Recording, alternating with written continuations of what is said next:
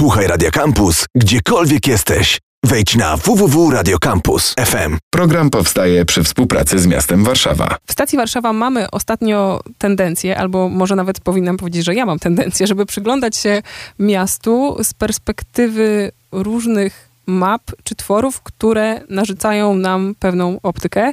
I dzisiaj y, spróbujemy przynajmniej mieć taki pretekst, żeby na tą Warszawę spojrzeć i się jej przysłuchać i przyjrzeć za sprawą projektu, który nazywa się Warszawa Zapamiętana i mapy, która w jego efekcie powstała. W naszym studiu Iwona Makowska z Domu Spotkań z Historią. Dzień dobry. Czy ja do nikogo nie okłamuję tym, że właśnie jest to pewien rodzaj um, takiego spojrzenia na Warszawę szerokiego i nienarzuconego? Nienarzuconego, bardzo szerokiego i takiego spontanicznego, bo to są jednak wspomnienia zwyczajnych mieszkańców. Ja wszystkim zawsze mówię, że to jest tak, jakby się z babcią e, szło przez miasto i opowiadałaby historię ze swoich czasów, o danych miejscach, jak to zapamiętała, anegdotki związane z tymi miejscami. Więc ta mapa tak wygląda. Mamy mnóstwo punktów, pinezek, do których przypięte są i fotografie, i te opowieści w formie audio. Tak, są takie krótkie fragmenty audio. One mają tak od minuty do trzech minut y, głównie i zdjęcia archiwalne z prywatnych albumów, także one nigdy nie były nigdzie publikowane. Mamy je wypożyczone, zeskanowane i te warszawskie udostępniamy na mapie. Jak to się stało, że one zostały pozyskane i na mapę trafiły? Zaczęło się od nagrywania. Nagrywania takich rozmów, wspomnień, powstawały różne projekty i potem ktoś zdecydował, że jednak e, ciekawie by było, gdyby tym projektom towarzyszyły zdjęcia. I od tej pory już zawsze przy nagrywaniu osoby e, w naszym archiwum e, skanujemy też fotografię tej osoby. A słowo archiwum powinno nas prowadzić do archiwum historii mówionej. W domu spotkań z historią. Tak jest. No i jak zachęcić mieszkańców Warszawy do tego, żeby zechcieli się spotkać i o tej stolicy opowiedzieć? Myślę, że to e, sami by musieli spróbować. Posłuchać najpierw takich wspomnień. Zaciekawiłoby to ich. Posłuchać swojej babci, cioci, bo niestety te osoby dosyć szybko odchodzą i potem żałujemy, że ich nie posłuchaliśmy, nie nagraliśmy. I e, taką też mamy misję w naszym archiwum, żeby tych nagrań było jak najwięcej i żeby jak najwięcej zachować świadectw jednak o przeszłości. I jak to robiło DSH? Jak docierało do rozmówców? Najpierw e, były takie akcje społeczne różne. E, sąsiadka sąsiadce powiedziała, że była nagrywana. A teraz już jest na tyle powszechna wiedza, że osoby same się do nas zgłaszają. Najczęściej dzwonią po prostu albo mówią, że na przykład na działce za płotem jest ciekawy sąsiad, którego można by było nagrać i te nagrania naprawdę bardzo często okazują się super ciekawe i takie niepowtarzalne. Może to być e, urok, ale też przekleństwo, bo są to ludzie, którzy przeżyli w Warszawie dziesiątki lat. Jakie pytania im zadawać? O co ich pytać, żeby ta opowieść płynęła? I, no i właśnie, czy Państwu też zależy, żeby ona się zawsze wiązała z konkretnymi miejscami? Nagrywamy takim systemem biograficznym, że najpierw osoba opowiada wszystko to, co chce opowiedzieć, a potem jest taki e, zestaw pytań, e, na przykład e, proszę opowiedzieć o swoim dzieciństwie, jeśli ktoś wcześniej nie wspomniał, czym zajmowali się rodzice, jak pani pan zapamiętała pierwszy dzień wybuchu wojny, i tak staramy się jeszcze pobudzać potem e, tę pamięć do, do wspomnień. Jeżeli dana osoba się nie, nie wypowiedziała, bo są osoby naprawdę gaduły, które mówią, mówią godzinami i niektóre nagrania mamy takie powyżej 20 godzin trwały, więc to są takie bardzo długie. I do tego dołączają też fotografie, jeśli oczywiście chcą. Tak, tak, tak. Zwykle fotografie są związane rzeczywiście z tym, co dana osoba opowiadała, ale czasami się okazuje, że ktoś ma album swojego wujka, cioci, sąsiadki i jeżeli są to jakieś takie cenne, unikalne zdjęcia, to też y, y, skanujemy, chociaż e, czasami jest mało informacji o nich. Ale staramy się zebrać jak najwięcej informacji o tych fotografiach, które skanujemy. Mapę znajdziemy wpisując hasło Warszawa zapamiętana. No i właśnie, czy udało się ją jakoś tak całą opowiedzieć, albo prawie całą opowiedzieć, czy okazuje się, że jednak wszyscy mieszkali, żyli, przebywali w Śródmieściu? Najwięcej wspomnień jest ze Śródmieścia, bo albo ktoś przyjeżdżał z rodzicami, na przykład z Grochowa i najbardziej zapamiętał to Śródmieście, no bo sklepy, słodycze, lukulusy i takie inne rzeczy. E, o obrzeżach też mamy troszkę, ale są to dużo mniejsze ilości jednak niż o Śródmieściu. No i fotografii najwięcej ze Śródmieścia, bo tam fotografowie uliczni łapali jednak tych ludzi najczęściej. Plus te takie mm, sztandarowe punkty, pod którymi się po Tak, prostu człowiek tak, chce tak. sfotografować i trzyma je potem w albumach y, przez lata. Mm, Co się dzieje w Warszawie zapamiętanej i tej mapie? Zmierzam do tego, ilu udało się przepytać mieszkańców i czy jest szansa, żeby jeszcze dorzucać swoje wspomnienia czy fotografie? E, Ten projekt pro- prowadzimy raczej na takiej zasadzie, że e, ja wyszukuję fragmenty warszawskie z tych opowieści, które już mamy nagrane. Ewentualnie, jeżeli nagrywamy kogoś nowego, to uczulam osobę nagrywającą, żeby powiedziała mi ewentualnie, o czym dana osoba opowiedziała. Ja przesłuch- przesłuchuję potem te nagrania i wycinamy fragmenty, które e, pasują nam na mapę do, na, do danego miejsca. Jeżeli osoba opowiada o danej kamienicy, wymienia konkretnie numer, opowiada, jakie tam były warunki, albo jakieś związane rodzinne historie z tym miejscem, to wtedy wycinamy ten fragment, wrzucam na mapę.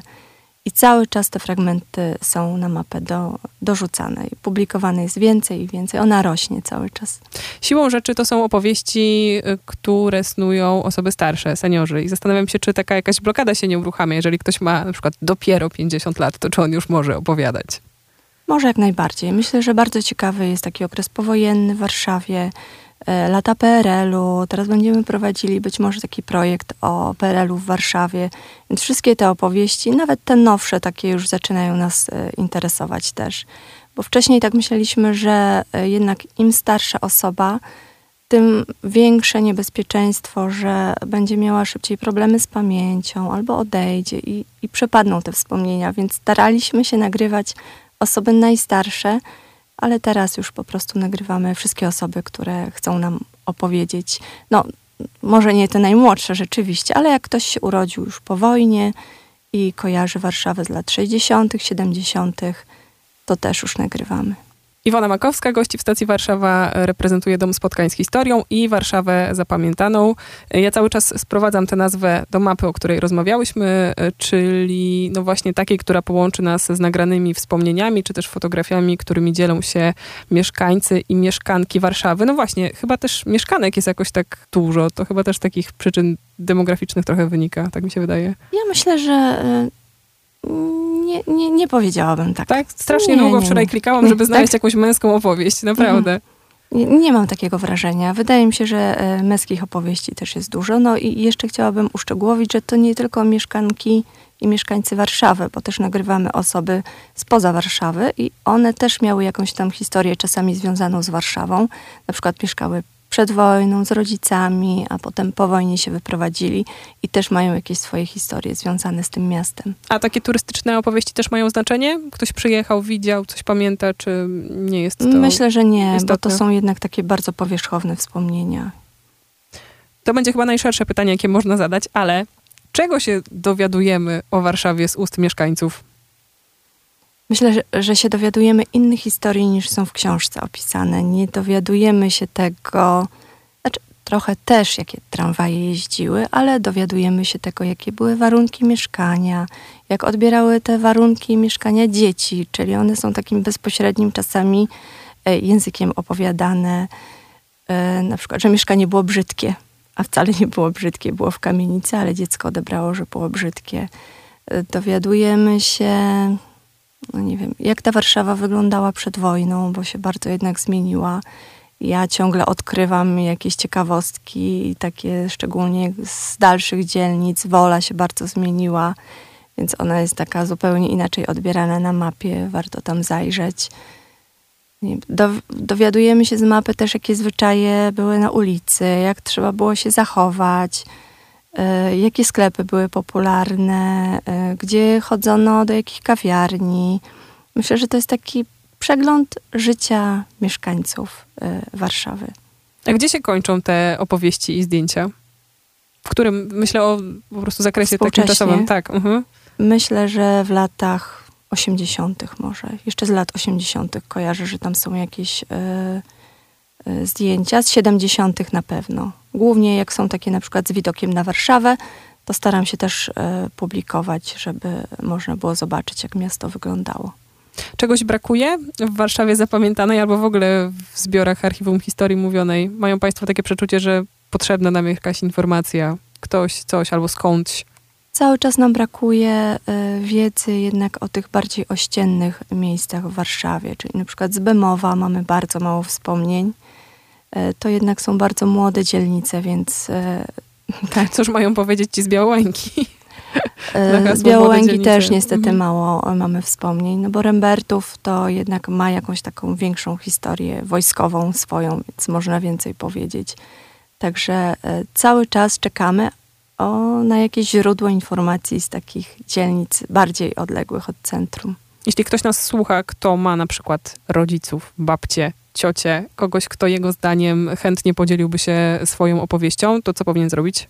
Albo fotografiami. Albo fotografiami. Najchętniej właśnie. zgłosić się do domu spotkań z historią i y, oczywiście najpierw zapytać tej osoby, czy chciałaby, e, chciałaby, żebyśmy ją nagrali, zgłosić się do domu spotkań z historią i wtedy umawiamy osobę, która nagrywa, jedzie do domu, także nawet nie trzeba do nas przyjeżdżać, chyba że ktoś ma jakieś obawy, żeby wpuszczać osobę obcą do domu, to nagrywamy u nas na Karowej 20 i umawiamy się na kolejne nagranie, jeżeli e, jedno spotkanie nie wyczerpie tematu, Osoba może przywieźć ze sobą fotografię, możemy zeskanować na miejscu, może e, zostawić do wypożyczenia i oddamy te fotografie za tydzień, na przykład po zeskanowaniu.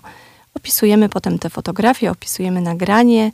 Jeżeli są e, fragmenty związane z konkretnymi miejscami w Warszawie, e, wycinamy je i są publikowane na mapie. A czy trzeba jeszcze sprawdzać, co mówią rozmówcy? Czy im się wierzy bezgranicznie, czy poddaje to pamięć jakiejś potem weryfikacji? Mamy zaufanie, ale e, kontrolujemy czasami te wypowiedzi, szczególnie jeśli są publikowane, to sprawdzamy, czy taki adres istniał, szukamy jak najwięcej wiadomości dostępnych, z dostępnych źródeł, więc staramy się sprawdzać. Czy jest to policzone? Ile osób, ile nagrań, ile godzin udało się zebrać do tej pory? Ile godzin to nie wiem. Nagrań, czyli tych takich małych fragmentów na mapie jest ponad 400 i zdjęć mm, też około 400. Także zbliżamy się do tysiąca takich małych pigułek wiedzy.